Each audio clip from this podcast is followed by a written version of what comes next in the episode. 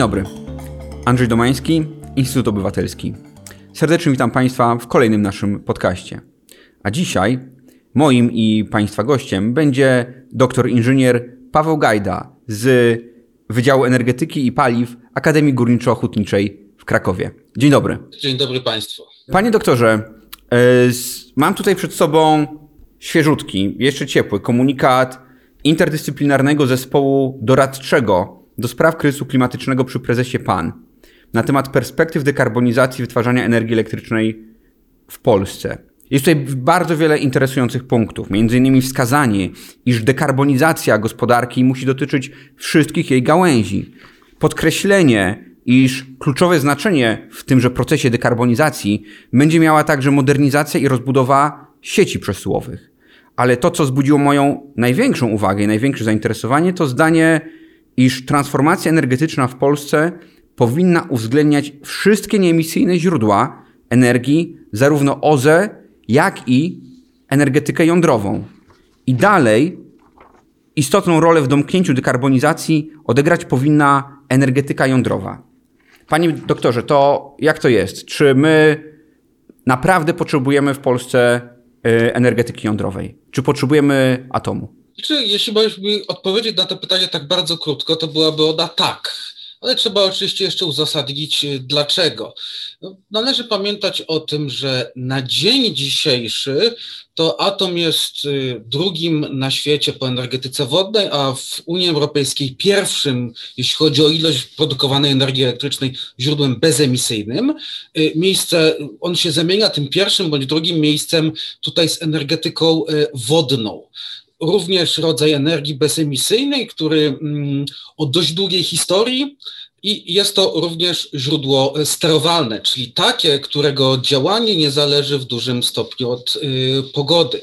Dlatego jeśli popatrzymy na kraje, którym już udało się zdekarbonizować y, swój sektor elektroenergetyczny, to znajdziemy tam przede wszystkim kraje, które właśnie opierają swój miks energetyczny na energetykę wodną, bądź też y, jądrową, albo oczywiście obie, oba te źródła energii e, razem. W przypadku Polski niestety my nie mamy geograficznych możliwości rozwoju energetyki wodnej w jakimkolwiek no, istotnym e, stopniu. Musimy jeszcze pamiętać dokładnie o tym, o czym była mowa, że e, energia elektryczna będzie nam potrzebna również do dekarbonizacji innych sektorów gospodarki, przykładowo transport. Jeśli będziemy potrzebować e, samochodów elektrycznych, będziemy tej energii elektrycznej potrzebować po prostu więcej. Więc teraz e, w przypadku Polski to, co nam zostaje, to jest właśnie energetyka jądrowa oraz te tak zwane nowe OZE, czyli tutaj przede wszystkim mówimy o energetyce wiatrowej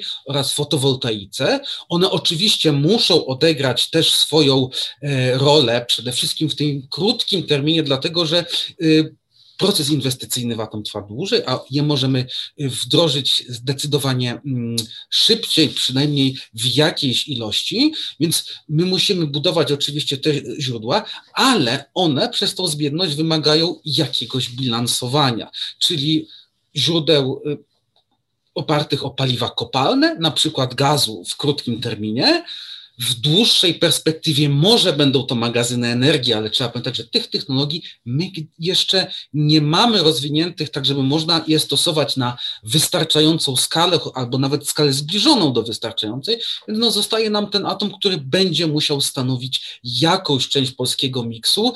Y, oczywiście pytanie zostaje otwarte, jak duża y, ten udział tego atomu y, będzie. Ciężko jeszcze wyrokować, bo my do końca nie wiemy, jak technologia rozwinie się do tego roku 2000 2050, y, natomiast jakąś rolę atom będzie musiał tutaj y, pełnić, dlatego jest celowym y, kontynuowanie programu, bądź przyspieszenie go i zbudowanie tej pierwszej elektrowni. Mm -hmm. No tak, nikt, nikt chyba w Polsce nie kwestionuje tego, iż OZE powinny mieć kluczową, wręcz dominującą rolę w tym nowym miksie energetycznym. Natomiast, no tak jak pan doktor zauważył, no pojawiają się pytania, co poza nimi, prawda? Czy, czy bardziej gaz, czy zostawić jakiś komponent węglowy, czy, czy też iść w kierunku, y, w kierunku jednak energetyki y, jądrowej. No i ten proces inwestycyjny w Polsce trwa już no, niezwykle długo, prawda? Przecież mówimy o tym właściwie od początku transformacji y, gospodarczej.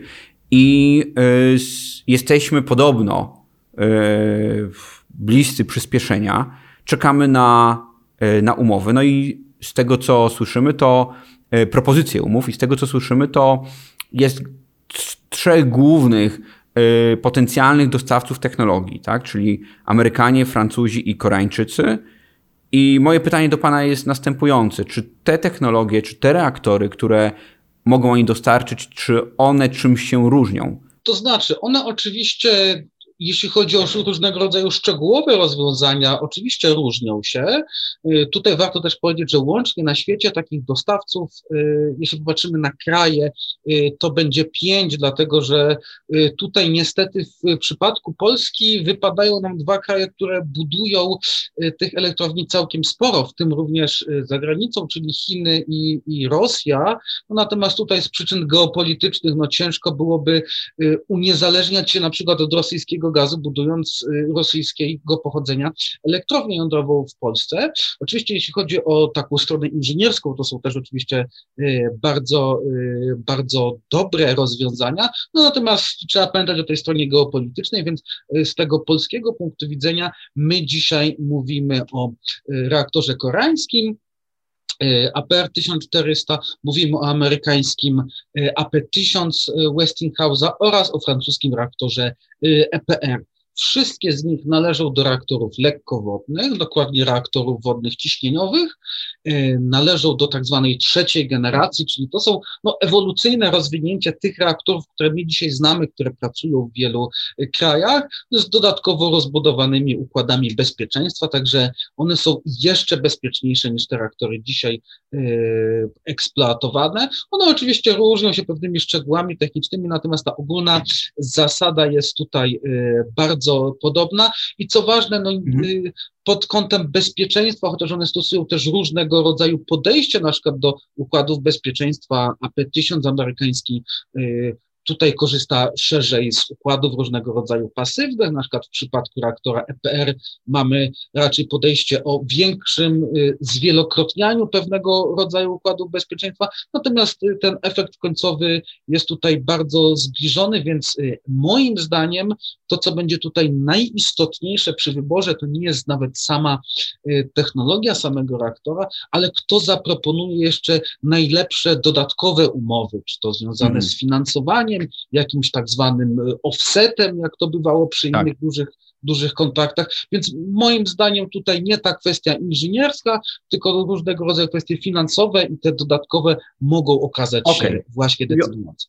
Czyli od strony technologicznej można powiedzieć, że tych trzech naj, najbardziej prawdopodobnych dostawców mają produkt właśnie od strony technologicznej bardzo zbliżony i bardzo bezpieczny, tak? Natomiast to, czy wybierzemy pro, projekt y, amerykański, francuski czy koreański tutaj, bardziej aspekty finansowe, geopolityczne, e, biznesowe będą grały większą rolę, a nie sama, a nie sama technologia, tak? Dokładnie tak. Okej. Okay.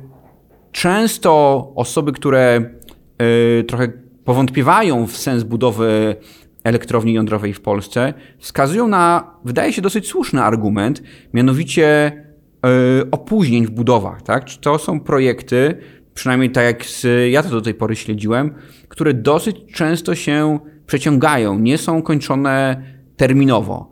Czy potwierdza pan doktor taką popularną wiedzę w tym obszarze? Oczywiście tego rodzaju opóźnienia zdarzają się, no, natomiast trzeba powiedzieć sobie dwie rzeczy, że um, dotyczą one nie tylko y, energetyki jądrowej. Na przykład jest świetny przykład w postaci lotniska berlińskiego, y, gdzie również no, olbrzymie opóźnienia się wiązały z jego e, budową, e, więc no, dotyczy to różnego rodzaju dużych projektów. No, trzeba sobie powiedzieć, że energetyka jądrowa jest dużym projektem.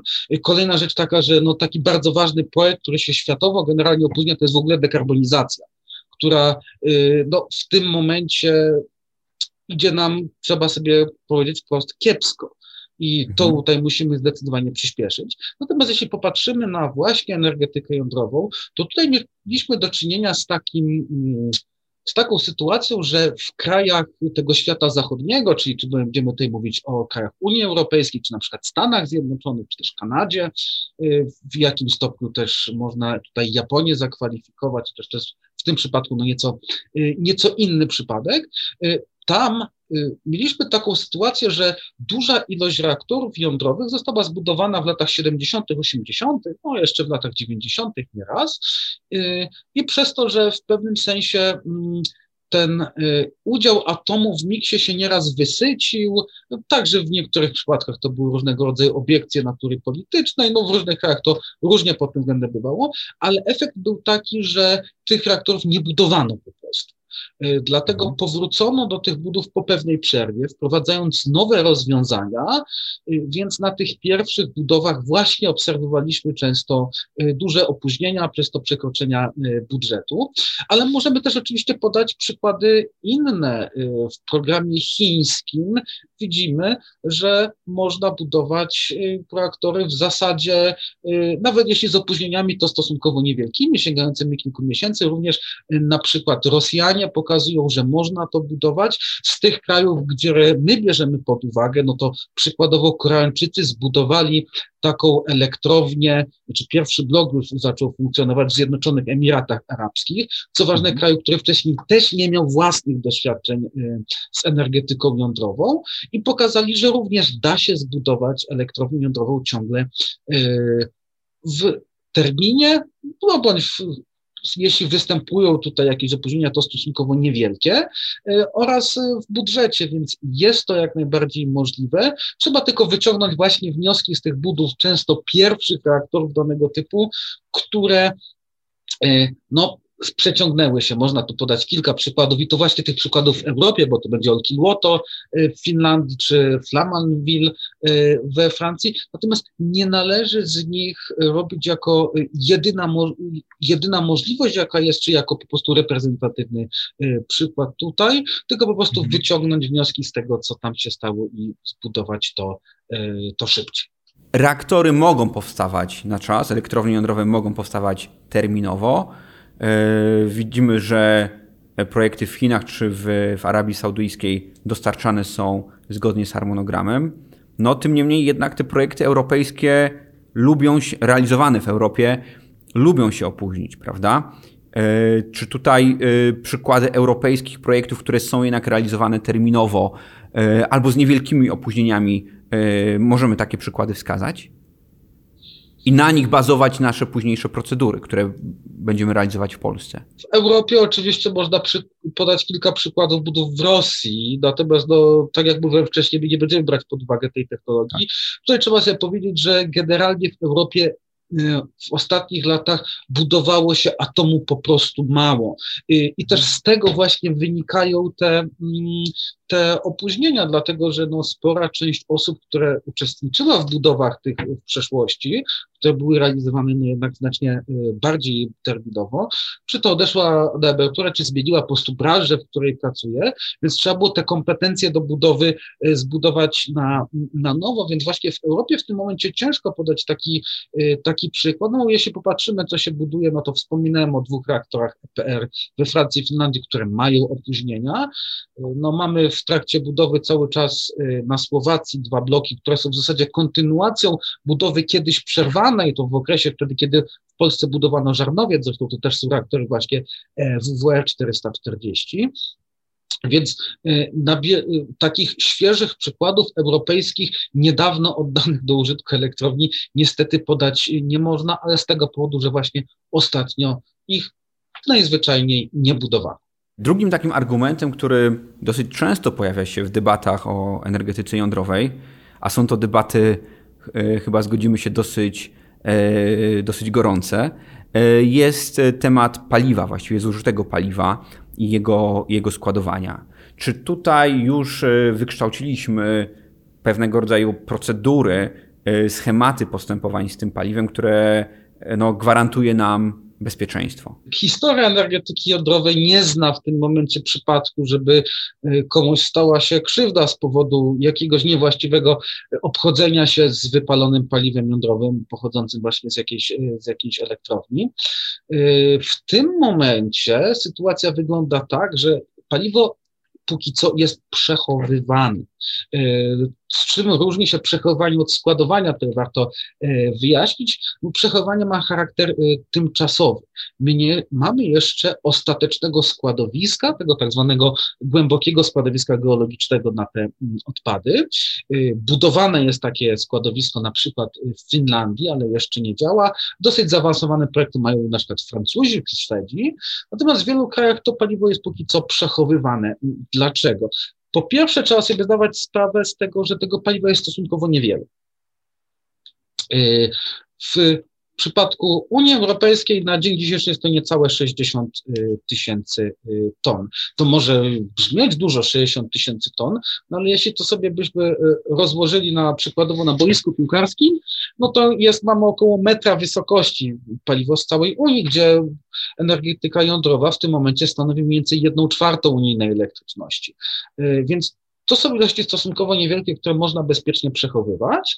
E, one są przechowywane na początku e, w przechowalnikach mokrych, tak zwanych, tam gdzie woda zapewnia chłodzenie, dlatego że to paliwo jeszcze generuje przez pewien czas no, ciepło i później przenosi się do, składu, do przechowalników suchych. Przykładem takim może być y, na przykład Cwilak w Szwajcarii, gdzie to paliwo jest składowane. To jest w zasadzie jedna duża hala, gdzie w odpowiednich pojemnikach paliwo z całej Szwajcarii wypalone może być składowane. Natomiast ciągle nie wiemy do końca, jakie będzie to ostateczne postępowanie. Dlatego, że można zdecydować się, jak, tak jak to zrobili na przykład Finowie, no to, że potraktujemy całość tego wypalonego spalonego paliwa jako odpad i będziemy je składować. Oczywiście istnieje techniczna możliwość zbudowania odpowiedniego e, składowiska i złożenia tam tego paliwa. Natomiast ciągle trwają prace nad e, możliwością ponownego wykorzystania tego paliwa.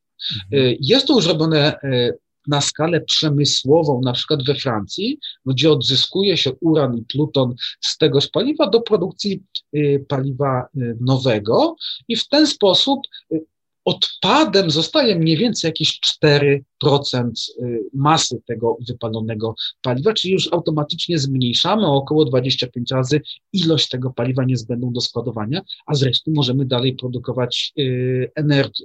Trwają ciągle prace nad nowymi rozwiązaniami, które by pozwoliły jeszcze większą część tego zużytego paliwa wykorzystywać ponownie. Zaletą jest raz właśnie, że tych odpadów będzie jeszcze mniej, mimo że nawet dzisiaj jest ich stosunkowo niewiele, a także ten niezbędny czas ich składowania zdecydowanie się skróci.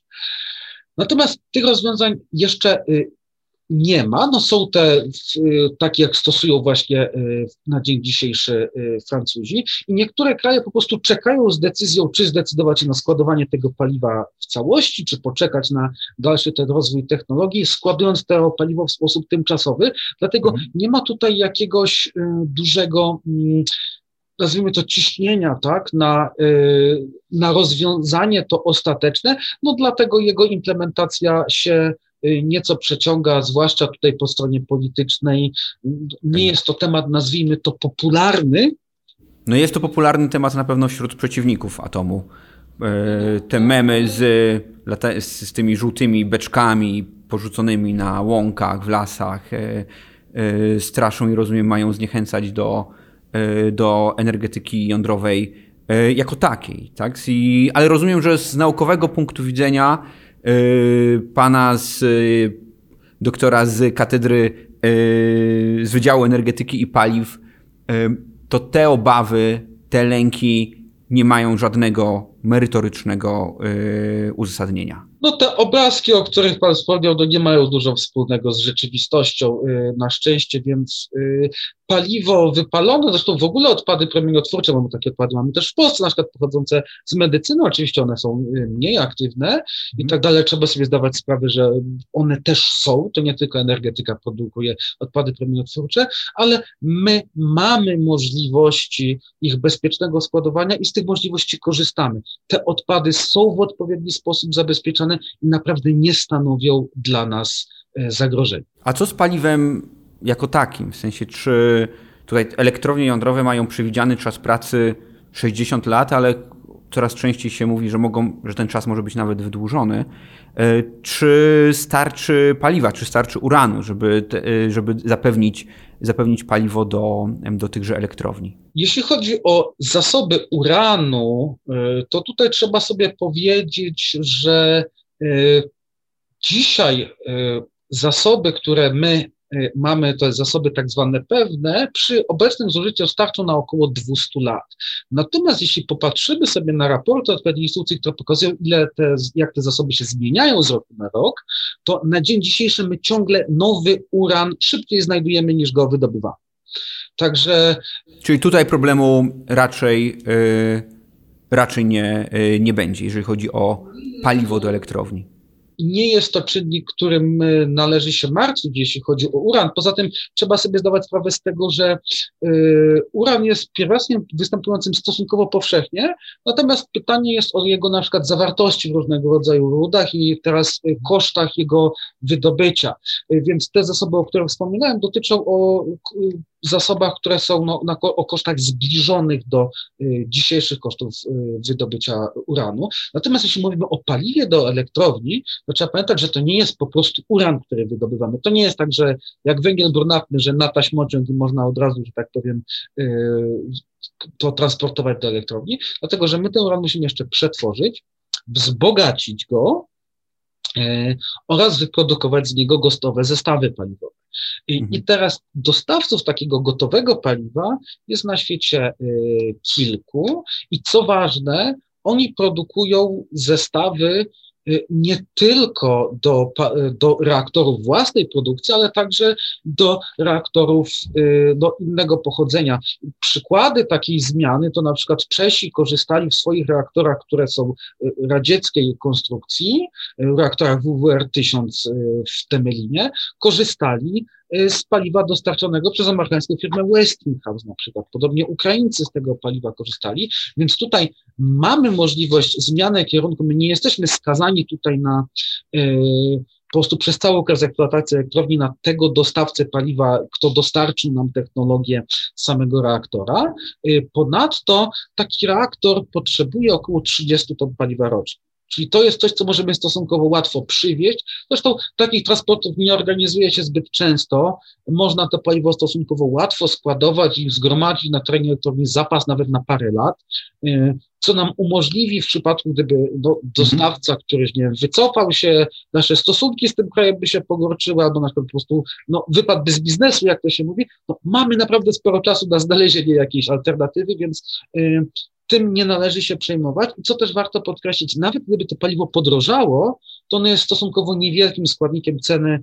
No właśnie, bo tutaj w, w kosztach, w kosztach yy, produkcji energii, olbrzymią yy, yy, energii jądrowej, no olbrzymi komponent stanowią te koszty związane z samą budową, prawda, z inwestycją, w przeciwieństwie do wielu innych źródeł, jak choćby węgla czy, czy, czy gazu. Tutaj chyba y, warto powiedzieć o tym, że z, y, również czas, w którym elektrownie jądrowe są y, używane, właściwie mogą być używane, że on się wydłuża. Zgadza się? Trzeba pamiętać, że dzisiaj eksploatowane reaktory były w większości przypadków projektowane na około 40 lat pracy.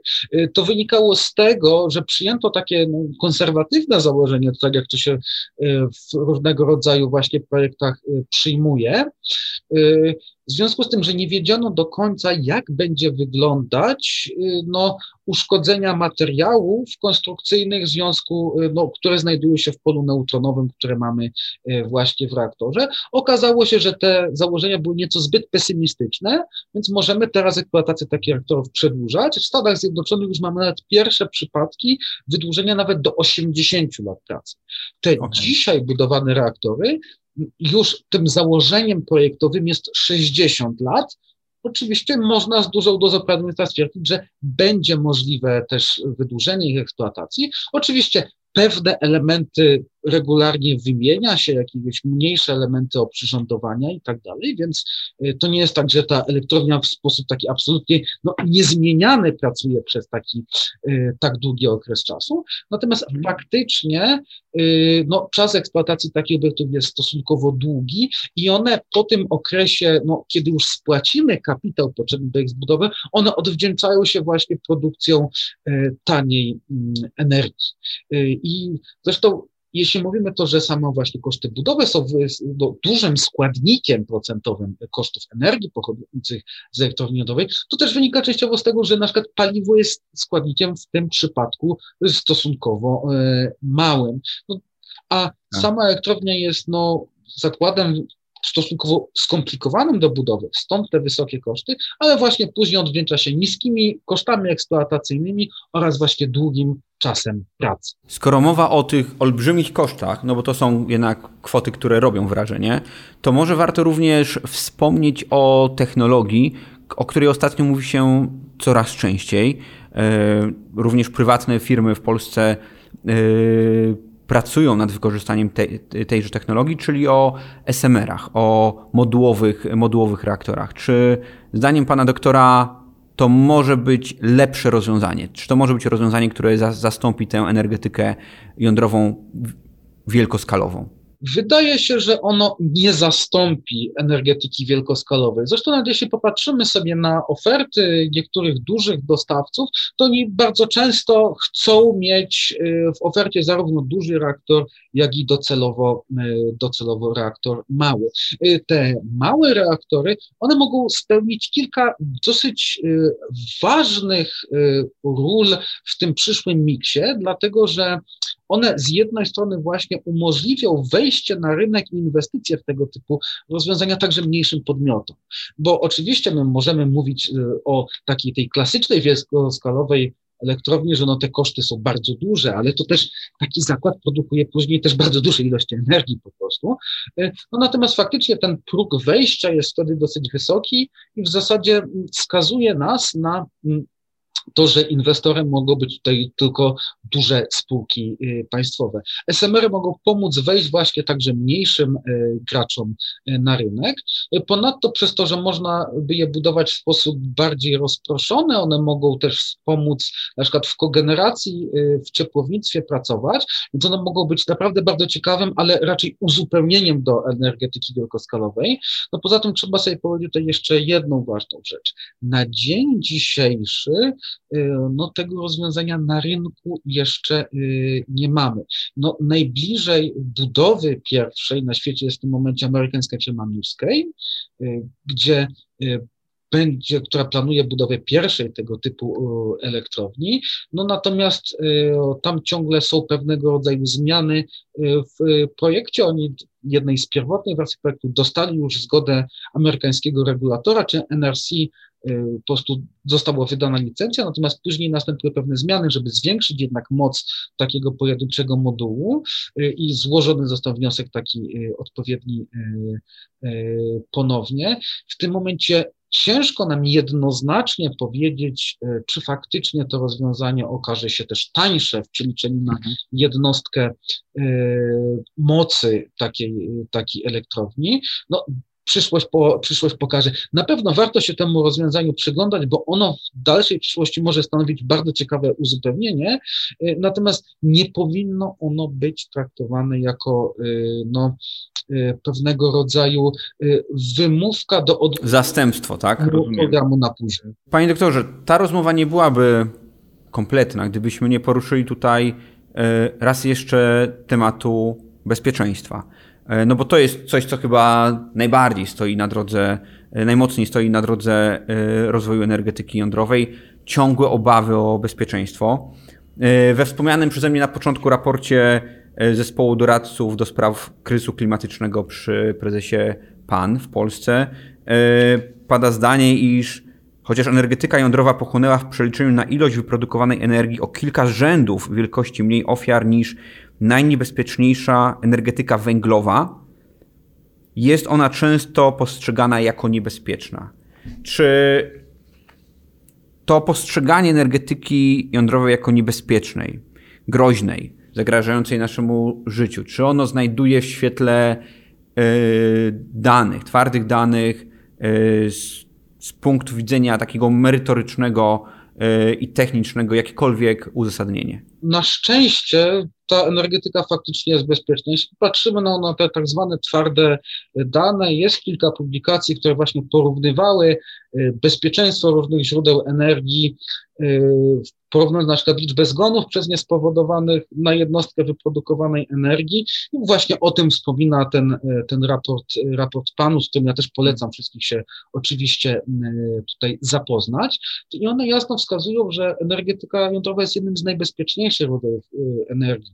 Ten wskaźnik właśnie ilości jakichś wypadków śmiertelnych na jednostkę wyprodukowanej energii jest tutaj porównywalny ze źródłami takimi jak energetyka wiatrowa czy fotowoltaika, co może się wydawać niektórym osobom dziwne. Natomiast ja na szczęście mam wrażenie, że ta kwestia bezpieczeństwa jest jednak coraz lepiej e, rozumiana, że coraz rzadziej podnoszona jest kwestia e, bezpieczeństwa. Oczywiście my musimy nad tym pracować e, odpowiednio przez odpowiednią edukację, informowanie, odpowiadanie na właśnie tego typu pytania, przedstawianie tych, tych argumentów. I to powoli, ale jednak odnosi ten skutek i mi się wydaje, że ten argument bezpieczeństwa schodzi nam tutaj coraz y, dalej. Na dalszy plan. Plan dalszy i dzisiaj jednak główna oś tej dyskusji toczy się wokół y, kwestii związanych y, z finansowaniem, a także tego, no, jak duża rola tego atomu w docelowym miksie miałaby być. O kwestiach dotyczących finansowania projektów na pewno jeszcze będziemy tutaj rozmawiać. Widać, iż ten aspekt dotyczący bezpieczeństwa rzeczywiście trochę schodzi na dalszy plan. Chyba czego najlepszym dowodem są jest rosnące poparcie w społeczeństwie dla energetyki jądrowej. Tym niemniej no, budzi ona kontrowersje, więc e, warto o, niej, e, warto o niej rozmawiać. Bardzo serdecznie Panu dziękuję za, e, za poświęcony nam, nam dzisiaj czas i mam nadzieję, że z, uda nam się jeszcze tutaj spotkać, aby rozmawiać także o innych technologiach wykorzystywanych w transformacji energetycznej. Dziękuję również i do zobaczenia. Dziękuję.